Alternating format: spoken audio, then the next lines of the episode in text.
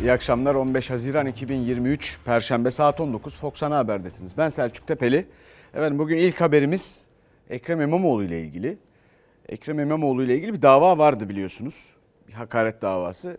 Bu e, istinafta, istinaf mahkemesinde. Şimdi bundan ötürü bir siyasi yasak isteniyordu. Yeni bir dava daha ortaya çıktı. Hem de öyle bir şey ki Danıştay'ın 8 yıl önce kapattığı bir dosya şimdi yeniden açıldı. Ekrem İmamoğlu'nun seçimden sonra kabarmış defterlerine bakacaklarmış. Bu millet sana yedirmez, yedirmez bu millet. bir Ekrem İmamoğlu duruşmasından daha çıktık. Ekrem İmamoğlu'nu yargılamaya doyamıyorlar. Bu bir siyasi kumpas davasıdır. Açanların elinde patlayacaktır. Danıştay'ın hakkımızda bizi haklı bulduğu bir süreçte yeniden İçişleri Bakanlığı'nın konuya dahil olduğu konulardan bir tanesi. Danıştay'ın 8 yıl önce soruşturmaya gerek yok diyerek izin vermediği ihale fesat karıştırma dosyası İmamoğlu İBB Başkanı olduktan sonra bir kez daha açıldı İçişleri Bakanlığı'nın talebiyle. İlk duruşma görüldü. Avukatı tarafından temsil edilen İmamoğlu dışında ihale dosyasında imzası olan 6 sanık hakim karşısına çıktı, suçlamaları reddetti. İmamoğlu'na 7 yıla kadar hapis ve siyasi yasak istenen dava 30 Kasım'a ertelendi.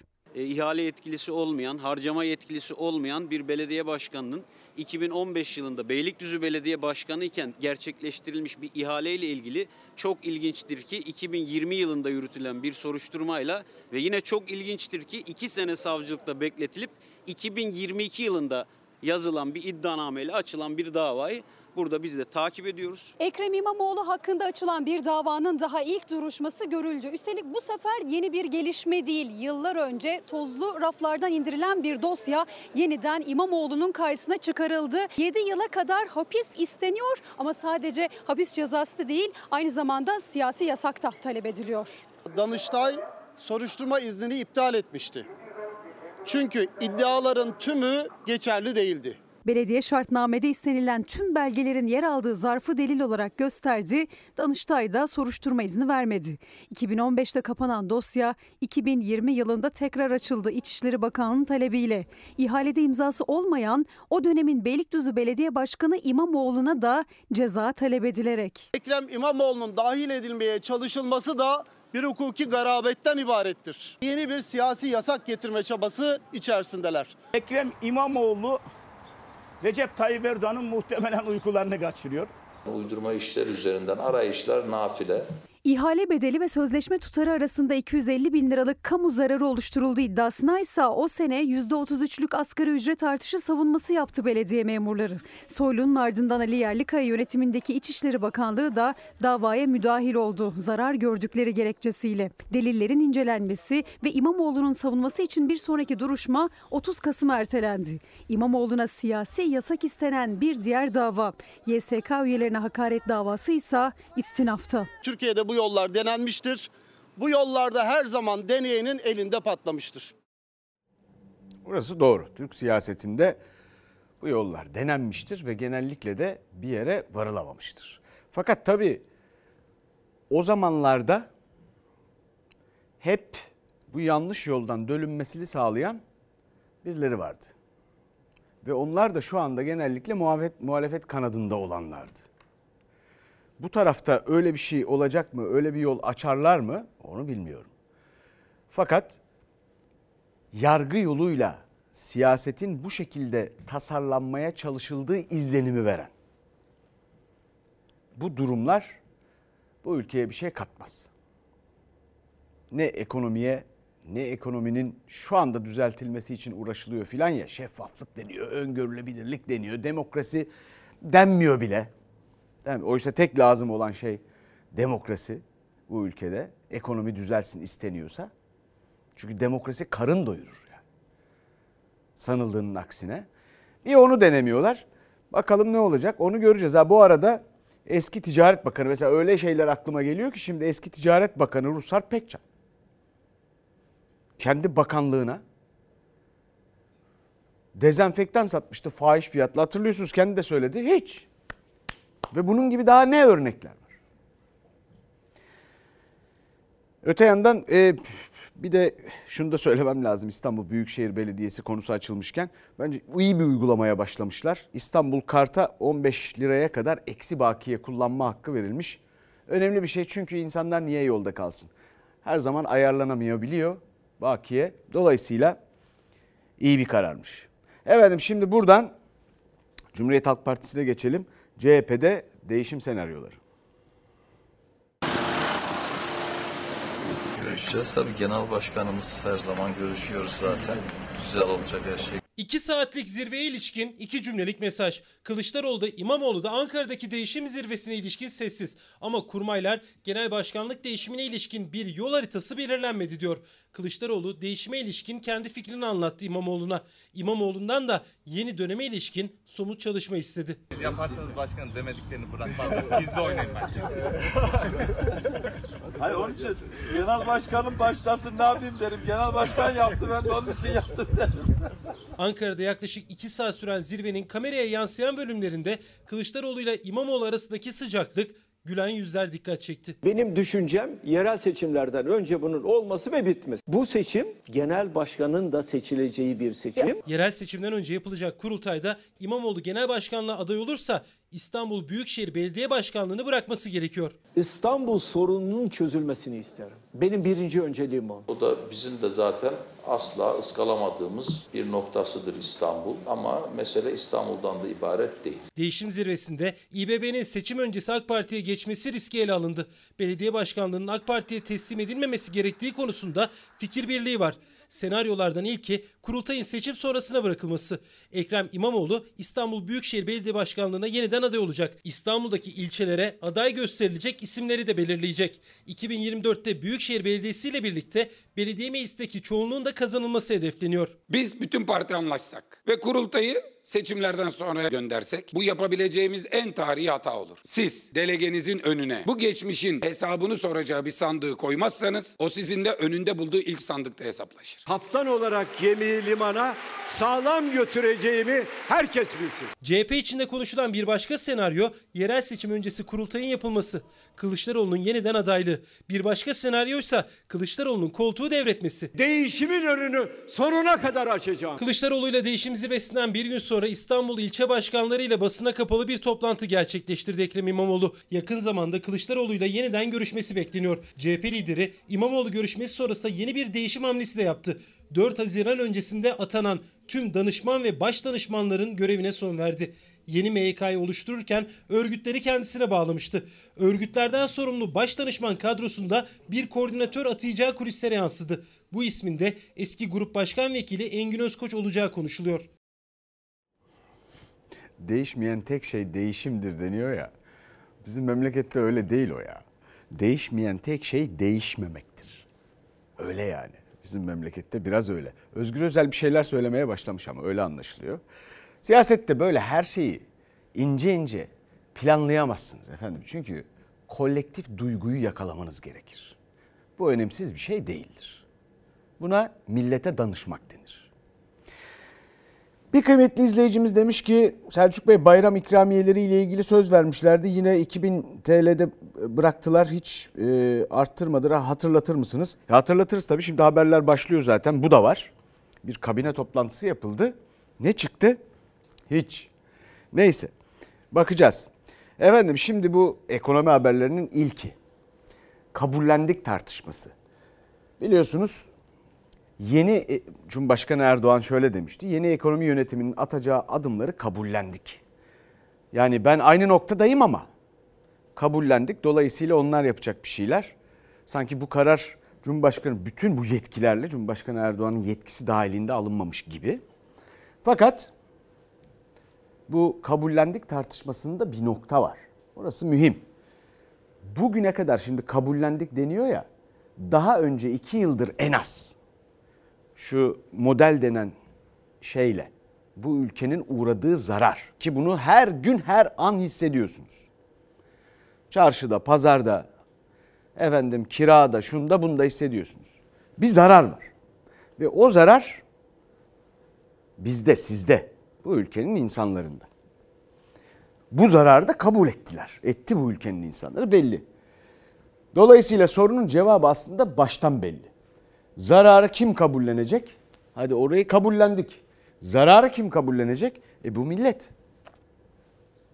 Cumhurbaşkanının en büyük özelliği çok hızlı bir şekilde U dönüşü yapması, zikzak yapması. Nas ortada olduğuna göre e, sana bana ne oluyor? Sana bana ne oluyor? Hazine ve Maliye Bakanımızın atacağı adımları süratle, rahatlıkla Merkez Bankası ile beraber atmasını kabullendik. Sadece politika faizi düştü ama ekonomideki diğer bütün faizler arttı. Ve bunun sonucunda kur patladı, enflasyon patladı. Recep abi faiz sebep enflasyon sonuçtur dedin. Bu millete ödettiğin bedeli anlat. Cumhurbaşkanı Erdoğan'ın uzun süredir ısrarcı olduğu faiz sebep enflasyon sonuç tezinden vazgeçmesi, düşük faiz politikasını eleştirenlere ağır suçlamalarda bulunurken yeni ekonomi yönetiminin faiz artırımına yönelik atacağı adımları kabullendik demesi muhalefeti konuşturdu. Kaynak arıyoruz cümlesi de. Finans sektöründe kaynak arayışlarını devam ettiriyoruz. Devam ettireceğiz. Kemal Kılıçdaroğlu İngiltere'den tefecilerden para alacak diyordun. Şimdi Mehmet Şimşek'e nereden para almaya göndereceksin? 300 milyar dolar temiz para, helal para, yatırım için gelecek. Londra tefecilerinden aldığı sözlerle adeta sevindirik olan kişi. Seçim kampanyası süresince Kılıçdaroğlu'nun yurt dışından temiz 300 milyar dolar yatırım sözünü tefecilerden, IMF'den borç dilenecek diyerek eleştirdi Erdoğan. Cumhurbaşkanı seçildikten sonra kaynak arıyoruz dedi. Muhalefet ve ekonomistlere göre Mehmet Şimşek'in bakanlığa getirilmesi, Gaye Erkan'ın Merkez Bankası Başkanlığı yurt dışı finans kaynağı odaklı. Şimdi tefecilere Londra'daki faizlerin önünde kuyruğa giren, diz çöken bir ekonomi yönetimi var, bir Erdoğan var. Deniz bitti. Merkez Bankası rezervlerinin eksi 65 milyar dolarlara gelmesi, Türkiye'nin üretim yapmak, ihracat yapmak için ithalat yapamaz duruma gelmesi, Cumhurbaşkanı'nın da bulunmuş olduğu konumdan bir süreliğine çark etmesine sebep oldu. Ey TÜSİAD'ın başına gelen beyefendi. Önce haddini bil. Akıllarını başlarına almadıkları sürece iktidarın kapısından içeri giremezler. Mehmet Şimşek TÜSİAD'ı ziyaret edecek. Bunları nasıl izah ediyorsunuz? Cumhurbaşkanı Erdoğan düşük faiz tezinden geri adım attı. Seçim öncesi Londra'daki tefecilerden para getirecekler diye suçluyordu muhalefeti. Bugün kaynak arıyoruz açıklaması yaptı. Bir yıl önce 15 Haziran 2022'de iktidarın kapısından giremezsin dediği TÜSİAD yönetimiyle de yeni Hazine ve Maliye Bakanı Mehmet Şimşek bir araya gelecek. TÜSİAD işte geçtiğimiz dönemlerde ne dedi? Bu böyle düşük faiz yöntemiyle ülkeyi ekonomi batırırsınız dedi. Sen işveren örgütünü düşman ilan didn't Şimdi onların dediği noktaya geldin. Ortak akılla hareket edecek, temel sorun olarak gördüğümüz enflasyonla mücadele konusunda etkin ve kararlı adımlar atacağız. Kamuda tasarruf anlayışı içinde hareket edecek, mali alanımızı sosyal harcamalar ve nitelikli yatırımlar için kullanacağız. Rasyonel adımlar atacağız diyen Mehmet Şimşek ve yeni Merkez Bankası Başkanı Hafize Gaye Erkan'ın da katıldığı yeni dönemin ilk ekonomi koordinasyon kurulu toplantısı sonrası Cevdet Yılmaz ortak akıl vurgusu yaptı. Daha önce defalarca Erdoğan'ın da dile getirdiği kamuda tasarruf kararını açıkladı. Orta vadeli programında Eylül ayında açıklanacağını söyledi. Efendim şimdi bu ortak akılın ne olduğunu söyleyeyim size. Bizim anlayacağımız dilde. Ortak akıl şu. Şimdi düne kadar imkanlar kullanıldı. O zaman hiçbir ortaklık yoktu. Ortak akıl şimdi kabulleniyoruz ya. Zararı kabulleniyor. Ortak akıl o. Orada ortağız. Zararda ortağız.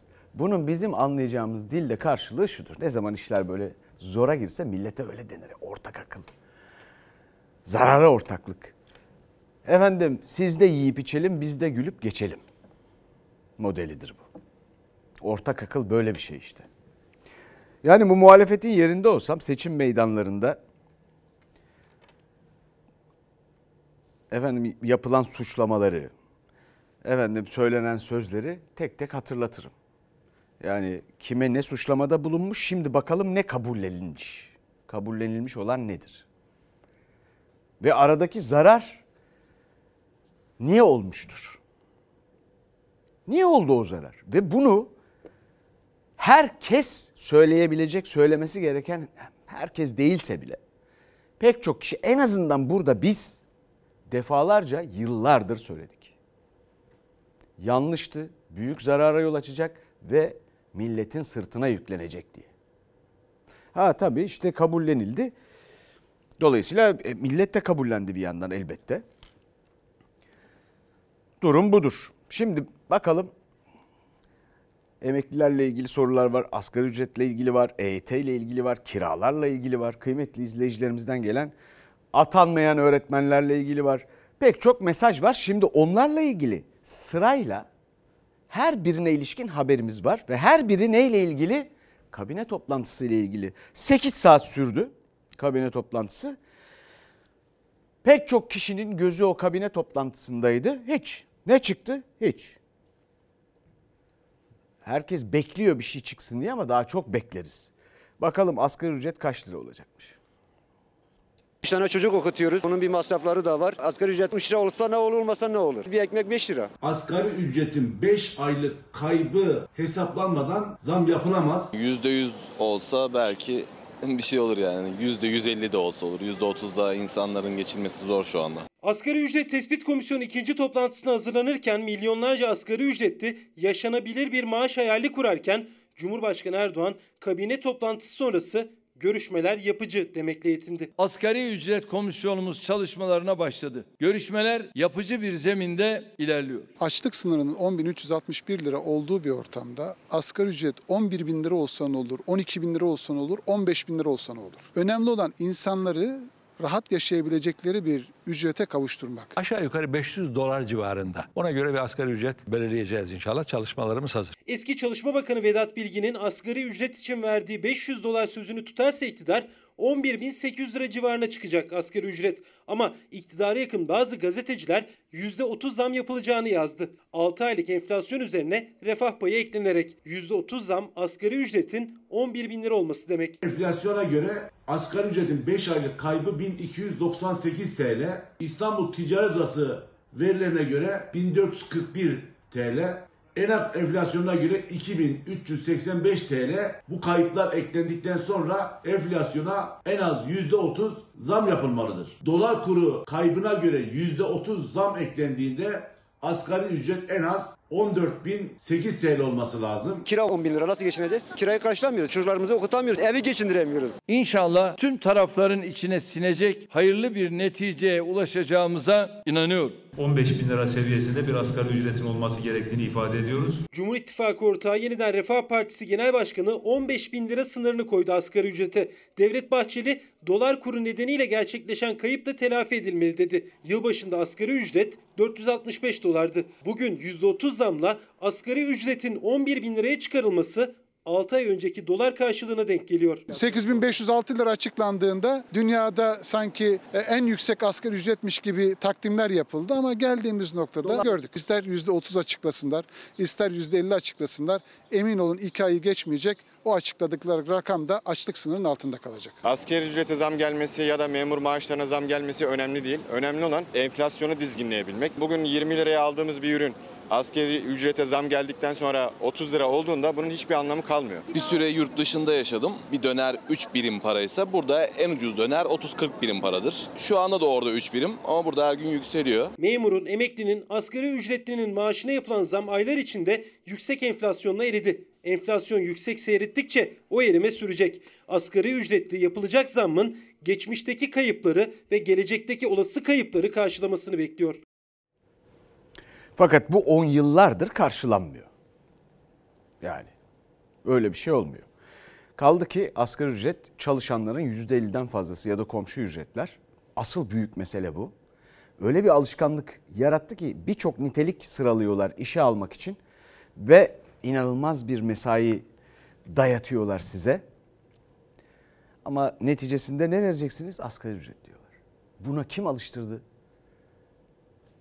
Avrupa Birliği'nde asgari ücretle çalışanların ortalaması yüzde dört ya. Bir de tabii şimdi zam efendim emekli bekliyor. Şimdi gelecek haberi. Emekli bekliyor, memur bekliyor. Bakalım enflasyona göre nasıl ayarlanacak? TÜİK e, ne söyleyecek onlar bekleniyor. Elbette tedirginlikle. Geçen gün bir karikatür gördüm. Karikatürde birisi şunu diyordu. Günahlarımızı da TÜİK hesaplasın. Evet bu kabine toplantısı çok ilginç. Yani seçimi kazanmaya hükümet hazırlıksız yakalanmış gibiydi. Çok ilginç. Bakalım şimdi kabineden emeklinin bayram ikramiyesine de bir zam bir şey çıkmadı. Madalyamızı takdim ediyorum. Bayram ikramiye dendiği zaman asgari ücretin altında olamaz. Bu bize bayram harçlığı altında bir 2000 lira veriyor. Ülkemize 10 yıllar boyunca hizmet etmiş, bu uğurda saçlarını ağartmış emeklilerimizi enflasyona ezdirmeyeceğiz. Emeklinin gözü kabine toplantısındaydı. Cumhurbaşkanı Erdoğan ise sadece enflasyona ezdirmeyeceğiz demekle yetindi. Ne maaşlara ne de bayram ikramiyesine zam açıklandı. Oysa seçimden önce Erdoğan emeklinin bayram ikramiyesine zam sözü vermişti. Emeklilerimizin bayram ikramiyesini 2000 liraya çıkardı. Hepsi e, seçim yatırımıydı. Seçim bittikten sonra emekliliğini açlığa, yokluğa mahkum edildi. 2000 liralık emekli ikramiyesinin alım gücü bayramdan bayrama düştü. Ramazan bayramında 103 dolara denk geliyordu artık 84 dolar. Emekliler seslerini duyurmak için yine eylemdeydi. 2000 TL bayram ikramiyesi ile bırakın kurbanlık almayı horoz dahi alma şansı yok. Kurban Bayramı ikramiyesinin en düşük 8500 TL'ye yükseltilmesini 15 milyon emekli adına talep ediyoruz. Emekliler bayram ikramiyesinin asgari ücret kadar olmasını istiyor ama en önemli sorunları esas maaşlarının asgari ücretin altında kalması. Buna dikkat çekmek için patates, soğanla ödül töreni düzenlediler. Bayram ikramiyesinin askeri ücret seviyesine çıkartılmasını isterim. Güvenmiyorum yani. Yine 2000 lira yatacaktır. En az 8,5 milyon para istiyoruz bayramda. Bunu alamıyoruz yani alamadığımız için ödül ya. Birisinin patatesi, birisinin soğanı, benim de suyumu bir araya getirirsek üçümüzün kazandıklarımızla bir öğün yemek yapacağız. Emeklilerin geldiği durum bu.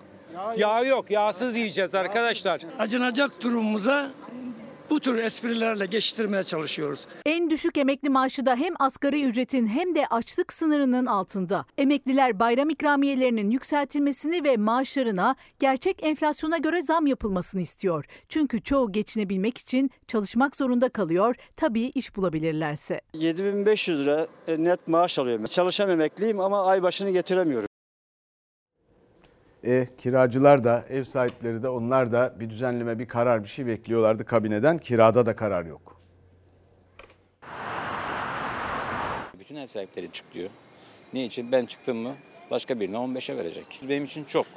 Veremem yani. Eşimle şu an boşanma aşamasındayım. Ya ev baktım çok araştırdım. En kötü bodrum katlarına 7 bin lira 8 bin lira istiyorlar. Benim o kadar gelirim yok. İstanbul'da oturmak istiyorum. Bu ev kiralarından sebep oturamıyorum. Memleketime gidiyorum mesela şu an. İstediğim yerden istemediğim yere gidiyorum. O kadar söyleyeyim yani. 3 aydır 3 çocuğuyla birlikte başını sokabileceği bir ev arıyor Süleyha Korkmaz. Ancak geliri İstanbul'da bir ev kirası etmiyor. Memleketi orduya dönmek zorunda. Fahiş kiralar sadece onu değil, tüm akrabalarını İstanbul'dan göçe zorladı. Burada hiçbir akrabam kalmadı. Kapısına gideceğim ne bir teyzem kaldı ne bir eniştelerim kaldı. Hepsi gittiler yani bu kiralardan sebep. Böyle bir adaletsizlik, böyle bir zulüm, böyle bir suistimal varsa bu zulmün önüne geçeceğiz. Nasıl geçecekmiş? Ben gereğini yaptım. Yurttaş olarak gittim oyumu verdim. Bundan sonraki sorumluluk yönetenlere ait. Aylardır hatta yıllardır bu mesele var. Çareyi ben mi bulacağım? Erdoğan'ın çözüm sözünün üzerinden yaklaşık 2 yıl geçti ama fahiş kira artışlarının önüne geçilemedi. Kiracıların gözü son yapılan kabine toplantısındaydı ancak Cumhurbaşkanı Erdoğan yüksek kiralara hiç değinmedi. %25'lik zam sınırı 1 Temmuz'da doluyor. Uzatılıp uzatılmayacağı bile 15 gün kala hala netleşmedi. Çözüm önerisi ise İyi Parti'den geldi. Boş evler için daha yüksek vergi alınması, toplanan vergilerle de sosyal konut yapılması çağrısı yaptı Antalya Milletvekili Aykut Kaya.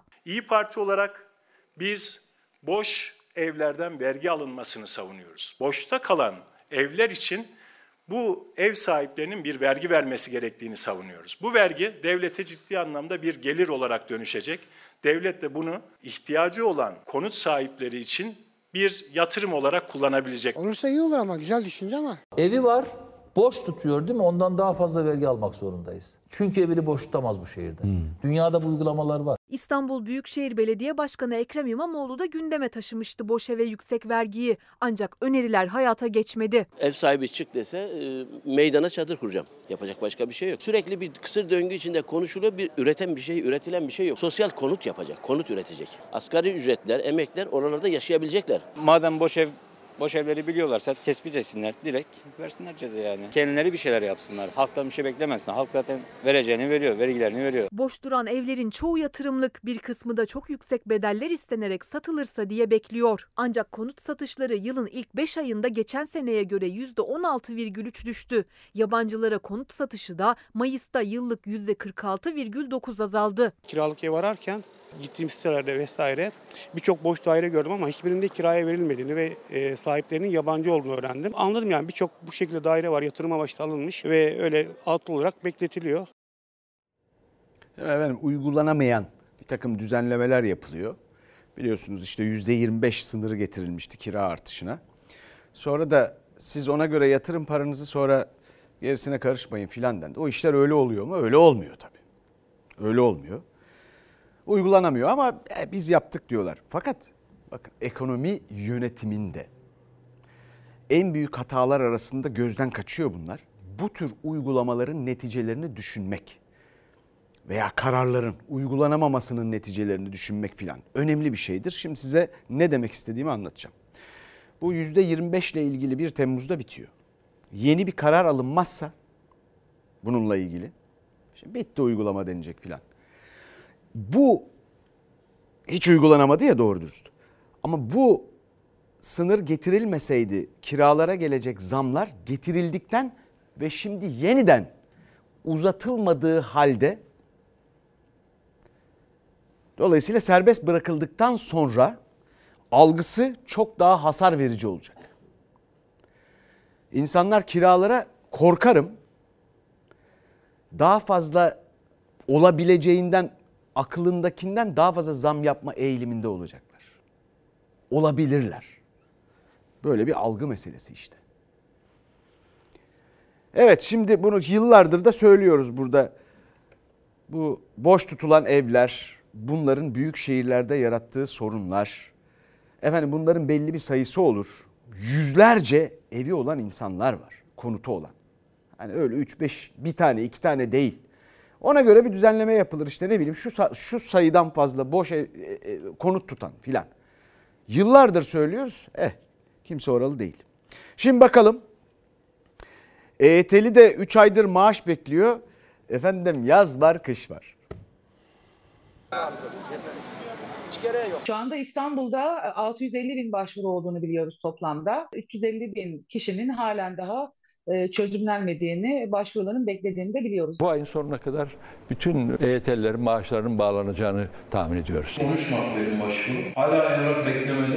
E, fakat biliyorum ki benden bir hafta sonra müracaat edip yani 3-5 gün içerisinde sonuçlanan arkadaşlarım oldu. SGK'nın kapısında mekik dokuyor EYT'ye hak kazananlar. Yıllarca emekli olabilmek için beklediler, aylardır da emekli olabilmek için bekliyorlar. Eski Çalışma Bakanı Vedat Bilgin Mayıs ayı sonuna kadar bütün EYT'lilerin maaşları bağlanacak demişti. Ama Haziran'ın ortası yüz binlerce EYT'li maaş bekliyor. Bakan da söyledi zaten geçen ay itibariyle herkes alması gerekiyordu.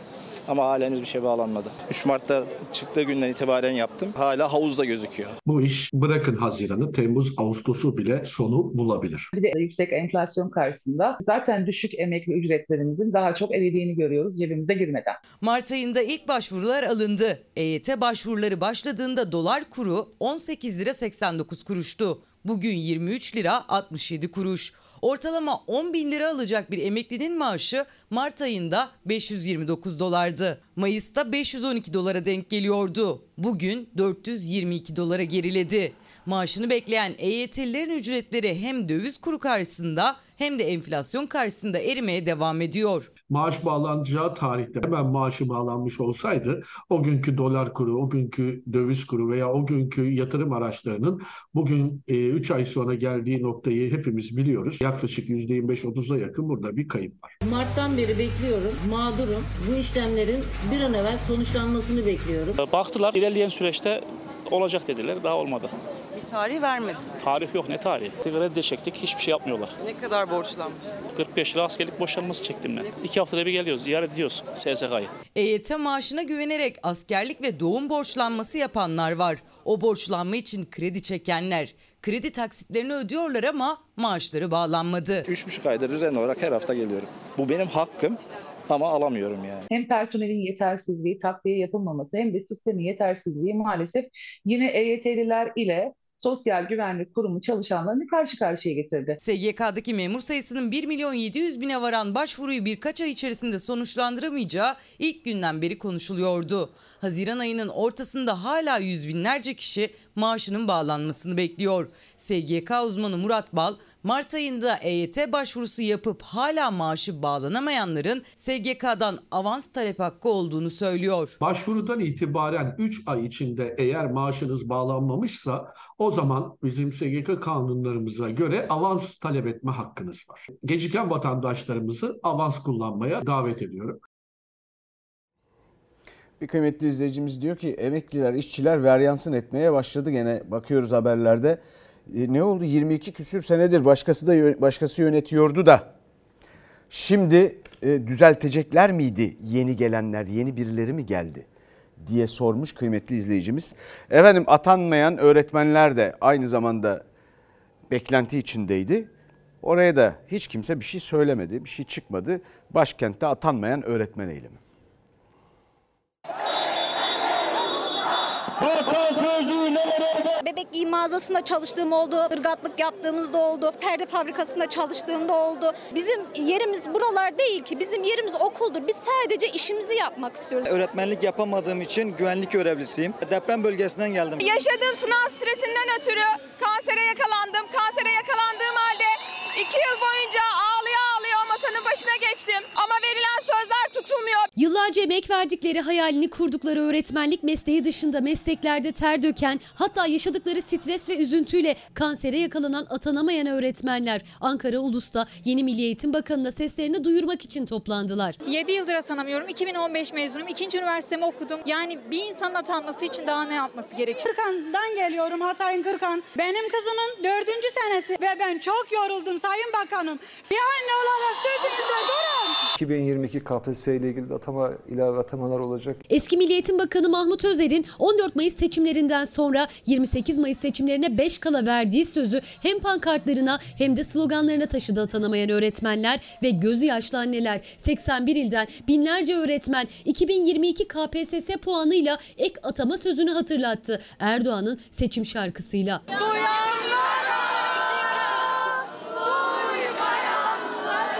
Ben garsonluk yapıyorum. Aynı zamanda babam marangoz, babamla beraber çalışıyorum. Artık öğrencilerime kavuşmak istiyorum. Benim kızım 20 yıldır sınava giriyor.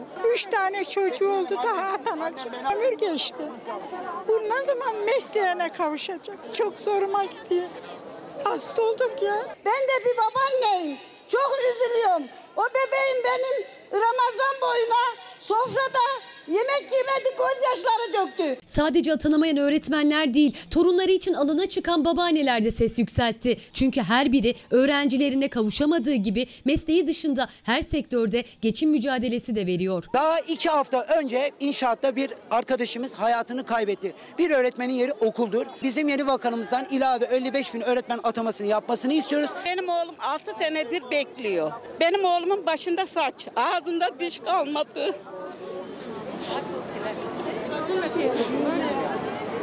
Neyse.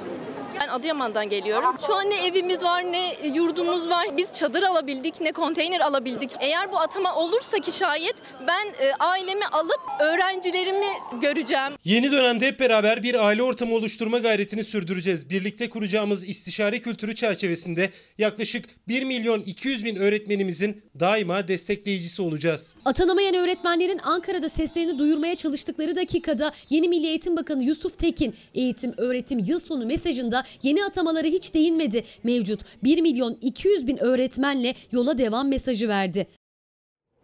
Efendim şimdi bakalım asistan doktorun maaş isyanına.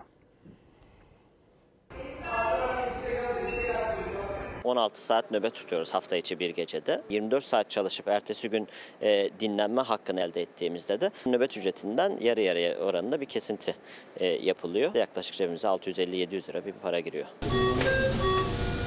Gelecek planlarımda bu şartlarda doktorluk yapmayı gerçekten e, istemiyorum. 6 yıllık asistan hekim Tahsin Çınar ne maaşı ne tuttuğu nöbet karşılığı aldığı ücret yetiyor. Yorucu ve ağır çalışma şartlarına bir de geçim sıkıntısı eklenince çok sevdiği mesleğini bırakma kararı aldı. Hukuk fakültesi okuyorum Marmara Üniversitesi'nde. Üçüncü sınıf bitiyor, son sınıfa geçeceğim. Devam etme imkanı bulursam e, gerçekten bu şartlarda çalışmayı zorlamak istemiyorum. Kamuda görev yapan sağlık çalışanları yoksulluk sınırının altındaki maaşlarıyla kıt kanaat geçim mücadelesi veriyor. Uykusuz kalarak saatlerce nöbet tutuyor ama yine de emeklerinin karşılığını maalesef alamıyor. 16 saat boyunca sizin aman doktor diyerek hastaneye koştuğunuzda sizi karşılayan doktorun ertesi gün eline net kalan miktar e, 200 lira 300 lira gibi bir miktar. Yani bu sadece parasal bir sorun değil. Bu hekime verilen değeri de gösteriyor açıkçası. Üniversite hastanesindeki mesaisinin üstüne 16 saatte nöbet tutunca karşılığı 680 lira. Yol ve yemek masrafı çıkarıldığında ise eline 200 lira civarında para kalıyor. Anadolu yakasında oturuyorum. Çalıştığım yer e, Atatürk Havalimanı'na taşındım. Sabahları tünelden e, git gel yaptığım zaman üzerine bir de yakıt e, fiyatlarını da eklersek yaklaşık 200 lira gibi bir e, yol ücretim çıkıyor. İki öğün sadece dışarıdan yemek söylesem 200-300 TL'de onun e, tutarı tutuyor. Yani 400-500 TL sadece benim insani giderlerime, yol ve yemeğime e, harcamış oluyor. Geriye kalıyor bana sadece bir 200 lira gibi komik bir para. Gidiyorlarsa gitsinler. Siyasi irade gitmemizi e, normal karşılayabiliyor. Hatta giderlerse gitsinler e, diyebiliyor. E, ve bu noktada üzerine İstanbul gibi bir yerde ekonomik kaygılar da üst üste eklenince insan sorgulamaya başlıyor. Ben bu mesleği neden e, yapıyorum diye. Doktor Tahsin Çınar anestezi ve reanimasyon bölümünde asistan hekim. 3 ay sonra uzmanlık sınavına girip uzman doktor olacak. Ancak mesleğe devam etmeyi düşünmüyor. Çünkü nöbet ücretleri eklense de maaşı yoksulluk sınırının altında kalıyor. İstanbul'da geçimine yetmiyor. Yıllar süren eğitim ve hayaller hayatın gerçeklerine yeniliyor. Ben yurt dışına gitmek istemiyorum. Ben özel hastanelerde de e, elimden geldiğince çalışmak istemiyorum. Çünkü oralarda da ayrı bir sömürü e, düzenine maruz kalıyoruz. Ya ben bu topraklarda doğdum, büyüdüm. Yani bu topraklarda e, işime devam et, etmek istiyorum. Hekimliğimi de aslında yapmak istiyorum. Hekimlik mesleğini çok seviyorum. Ama e, beni bu kadar tüketmesine de izin vermek istemiyorum. Şimdi bir de polislerimizin derdine tasasına bakalım. Onların pek çok polisimiz bu gibi durumlarla karşılaşabiliyor falan. Biliyorsunuz e, Zeynep Gül Yılmaz AK Parti milletvekili, eski AK Parti milletvekili. Aracı Mersin Erdemli'de bir polis memuru görevini yapan bir memur polis memuru tarafından durdurulmuştu. Hem vekilin hakaretine uğradı yetmedi bir de mesleğinden oldu. Kim ihbar ediyor benim arabam? Kim ihbar ediyor? Senin adın ne? Bilgi vereceğim şimdi şu an. Bir polis memuru görevini yaptı diye durdurduğu araç bir AKP milletvekiline ait diye meslekten ihraç edilmesi hukuka aykırıdır. Anayasaya aykırıdır. Allah korusun bir saldırı olabilir. Uzaklaş bak içeri çemkiriyorsun ya tükürük geliyor içeriye uzaklaş. AK Parti eski Mersin milletvekili Zeynep Gül Yılmaz bundan 2 yıl önce trafik kontrolü sırasında polislere sarf ettiği ağır sözlerle gündeme gelmiş. Polisler hakkında yasal işlem başlatılmıştı. AK Partili Zeynep Gül Yılmaz'ın hakaret ettiği polis memuru Muharrem Aydoğan meslekten de ihraç edildi. Görevini yasalara, mevzuata uygun olarak yapmak, Türkiye'de emniyeti sağlamak bir pol- polis memuru e, açısından suç haline geldi. Bu bir anlamda e, polis memurlarını da e, görevini yapamaz hale getirecektir bu karar. E, emsal teşkil edecektir. Uzaklaş bak içeri çemkiriyorsun ya tükürük geliyor içeriye uzaklaş. 18 Temmuz 2021'de Mersin Erdemli'de bir ihbar üzerine o dönem AK Parti milletvekili olan Zeynep Gül Yılmaz'ın aracını durdurdu polis memurları. Milletvekili aracı olduğunu bilmediklerini söylediler ama AK Partili vekil Zeynep Gül Yılmaz'ın öfkesiyle karşılaştılar. Kim ihbar ediyor benim arabam? Kim ihbar ediyor? Senin adın ne? Bilgi vereceğim şimdi şu an. Ben polis teşkilatımızdan ve değerli milletimizden özür diliyorum. O sözleri ne olursa olsun sarf etmemem gerekiyordu. Ben olayın buralara gelmesini istemezdim. Hakkını helal et demiş Zeynep Hanım. Aslında olayı büyüten maalesef Zeynep Gül e, Yılmaz'ın kendisidir. O görüntüler ihraç gerekçesi oldu. O anları kaydeden polis memuru değil ama aracı neden durdurduklarını AK Partili milletvekiline anlatmaya çalışan Muharrem Aydoğan kişiler arasındaki aleni olmayan konuşmaları herhangi birinin rızası olmaksızın kaydetmek ve verileri ifşa etmek gerekçesiyle meslekten atıldı. Görüntüleri çeken polis memuruysa daha önce bir disiplin cezası yok denilerek 24 ayla cezalandırıldı. Görüntüleri ise yaşanan olayda polislerin mağdur olduğunu göstermek için CHP'li Ali Mahir Başarır paylaşmıştı. Bu videoları resmi olarak resmi polis mikrofonundan çekip bu polisler bana vermedi. O görüntüleri kesinlikle müvekkilim yaymış değil. Çünkü çeken müvekkilim değil. Artı terörist e, bir faaliyet olabileceği kaygısıyla müvekkillerim tabii ki bu görüşmeyi kayıt altına al- e, almak durumunda görevlerinin gereği. Çünkü onlar emniyet görevlisi, emniyeti sağlamak zorunda. Ya bu araç bir e, terör e, faaliyeti içerisinde olan sahte plakalı bir araç olsaydı Böyle Tamam, milletvekili olur. Ne zaman Erdemli'ye gelsem bu pislikle Milletvekili aracı olarak çıkmıyor. görevli memura e, çok ağır hakaret ediyor. Sıradan bir vatandaş olarak ben ya da siz o görevli memura o sözleri söyleyin derhal tutuklanırsınız inanın. AK Parti eski milletvekili Yılmaz başta küfür ve hakaret iddialarını yalanlamış ama görüntüler ortaya çıkınca üzgün olduğunu söylemişti. Kendisini polisler kasıtlı davrandı diyerek savunmuştu. Hakaret ettiği polisin meslekten ihraç edilmesi konusundaysa sessiz. Türkiye'de görevini yapmak, emniyeti sağlamak bir pol- polis memuru e, açısından suç haline geldi. Bu kararın biz yargıdan döneceğine inanıyoruz. Öte yandan tarım arazisine beton ekmeye devam.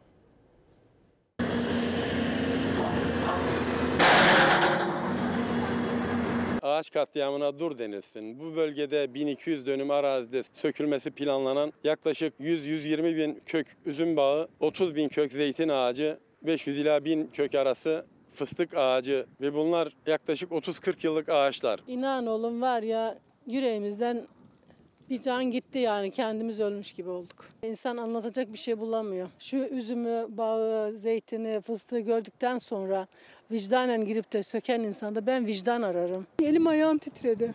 Biz mücadelemizi yapıyoruz. Yani bu ağaçları böyle görünce konuşmaya şey demiyorum yani. Gözü gibi baktıkları ağaçları kökünden söküldü köylülerin. Üzüm, zeytin, fıstık depremzede köylülerin tek geçim kaynağıydı. Gaziantep İslahiye'ye bağlı Kırıkçalı köyünde toplu konut yapılacağı gerekçesiyle ağaçlar bir bir sökülüyor. Köylüler kepçelere dur denilmesini istiyor. Bir gecelik kararla köyümüzün daha önce merası olan yarım asırdır zeytin ağacı, üzüm bağı ekili bağlarımız şu anda TOKİ'nin deprem kontu yapmak için gönderdiği inşaat şirketleri tarafından gördüğünüz makinayla bir uçtan sökülmeye başlanmış. Betonla kaplanması planlanan alanın vasfı tarım arazisi. Hazineye ait olsa da 40 yıldır köylüler ekip biçiyor. Bir sabah aniden kepçeler girdi. Köylüler engel olmaya çalıştı ama ağaçların bir kısmı söküldü bile. Gaziantep İslahiye'de Kırıkçalı köyündeyiz. Zeytin, üzüm, fıstık ağaçlarıyla dolu bu tarım arazisi köylünün tek geçim kaynağı. Ancak şimdi bu arazide ağaçlar yerinden sökülüp yerine TOKİ konutları yapılıyor. Kepçeler geliyor sökmeye çalışıyor. Biz önlerine duruyoruz. Halk, devlet yanımızda değil. Depremzedeyiz. Evlerimiz yıkıldı. Yani zor durum. Biz evimiz yıkılmış. Bağlarımız geçim kaynağımız alınıyor. Biz ne olacağız yani? Kepçenin önüne geçerekten durdurmaya uğraştık. Bu böyle nereye kadar gidecek? Onlar girecek, biz e, durduracağız. Genci yaşlısı aynı zamanda depremzede olan Kırıkçalı sakinleri mücadeleden vazgeçmiyor. 40 yıllık emeklerine sahip çıkmaya çalışıyorlar.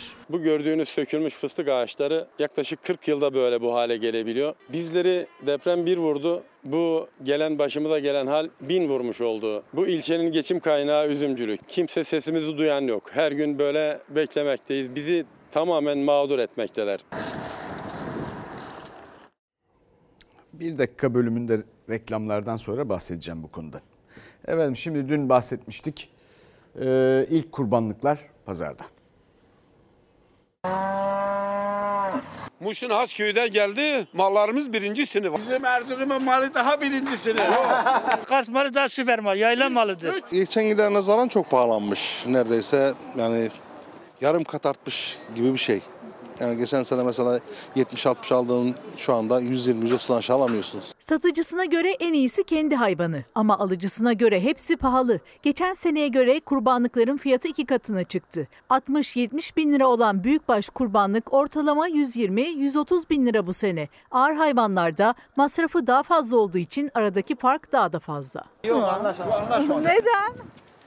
Anlaşacak bir hali yok ki. Neden? 170 milyar diyor. Muş Hasköy'den geldi. Bir ton 200 kilo hayvanlık. Daha aşağı olmaz mı? Aşağı olur. Hemşerim alamıyor. Siz ne kadarlık arıyorsunuz? 110 verdim. 110 olmaz mı? Yok zarar ediyorum. Geçen sene de bu hayvan gene 80 milyara sattım. Bu ağır, ağır bir hayvan. Fiyatlar e, biraz cüssemizi aşıyor.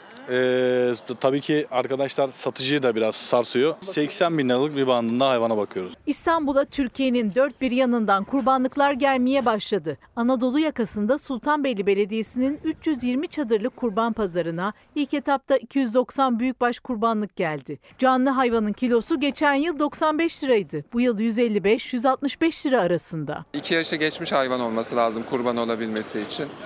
Ee, hayvanların sağlıklı görüntüde olması lazım. Gözlerinde, burnunda bir akıntı olmaması lazım. Besiciler İstanbul'a geldi ama artan nakliye maliyetleri kurbanlıklara yansıdı. Çok pahalı, nakliyat çok pahalı. Yani çok çok çok perişan durumda millet. Hepimiz düşünmüyorlar ki bu millet bu hayvan nereden gelmiş, çoban parası ne kadardır, yem parası ne kadardır, saman parası ne kadar. Alıcı zorlanıyor, biz satıcı zorlanıyoruz. Girdiler maliyetler yüksek. Şimdi yem fiyatlar ortada. Buraya geliyoruz, kamyon 30 bin liraya geliyor. Hayvanlara yemlik yapıyoruz 8-10 bin lira. Yani 80-100 bin lira maliyetimiz var. E bir torba yem burada 450 lira. Hayvana göre 120 liralık da var, 100 milyonluk da var. 80-90'dan aşağı yok yani. Öyle kurtarayım. Şimdi bir ara sonra buradayız. Efendim neden hayat zor? Neden bütün zararı millet kabullenmek zorunda? Bizdeki devlet imkanlarını kullananların alışkanlıkla bakış açısıyla ilgili bir şey bu. Türkçedeki devlet kelimesi Arapçadan gelir. Ve anlamı da belli bir noktada yoğunlaşır. O da talih, şans, mevki, zenginlik böyle bir şey. Efendim iyi bir kadere sahip olursanız, Yönetime yakın bir yerde yer tutarsanız zenginlikleri tüketme hakkına sahip olursunuz. Yok öyle olmazsa işte o zaman bütün masrafı üstlenmek zorunda kalırsınız. Efendim bizden sonra Gül Cemal var yeni bölümüyle iyi akşamlar. Anadolu bir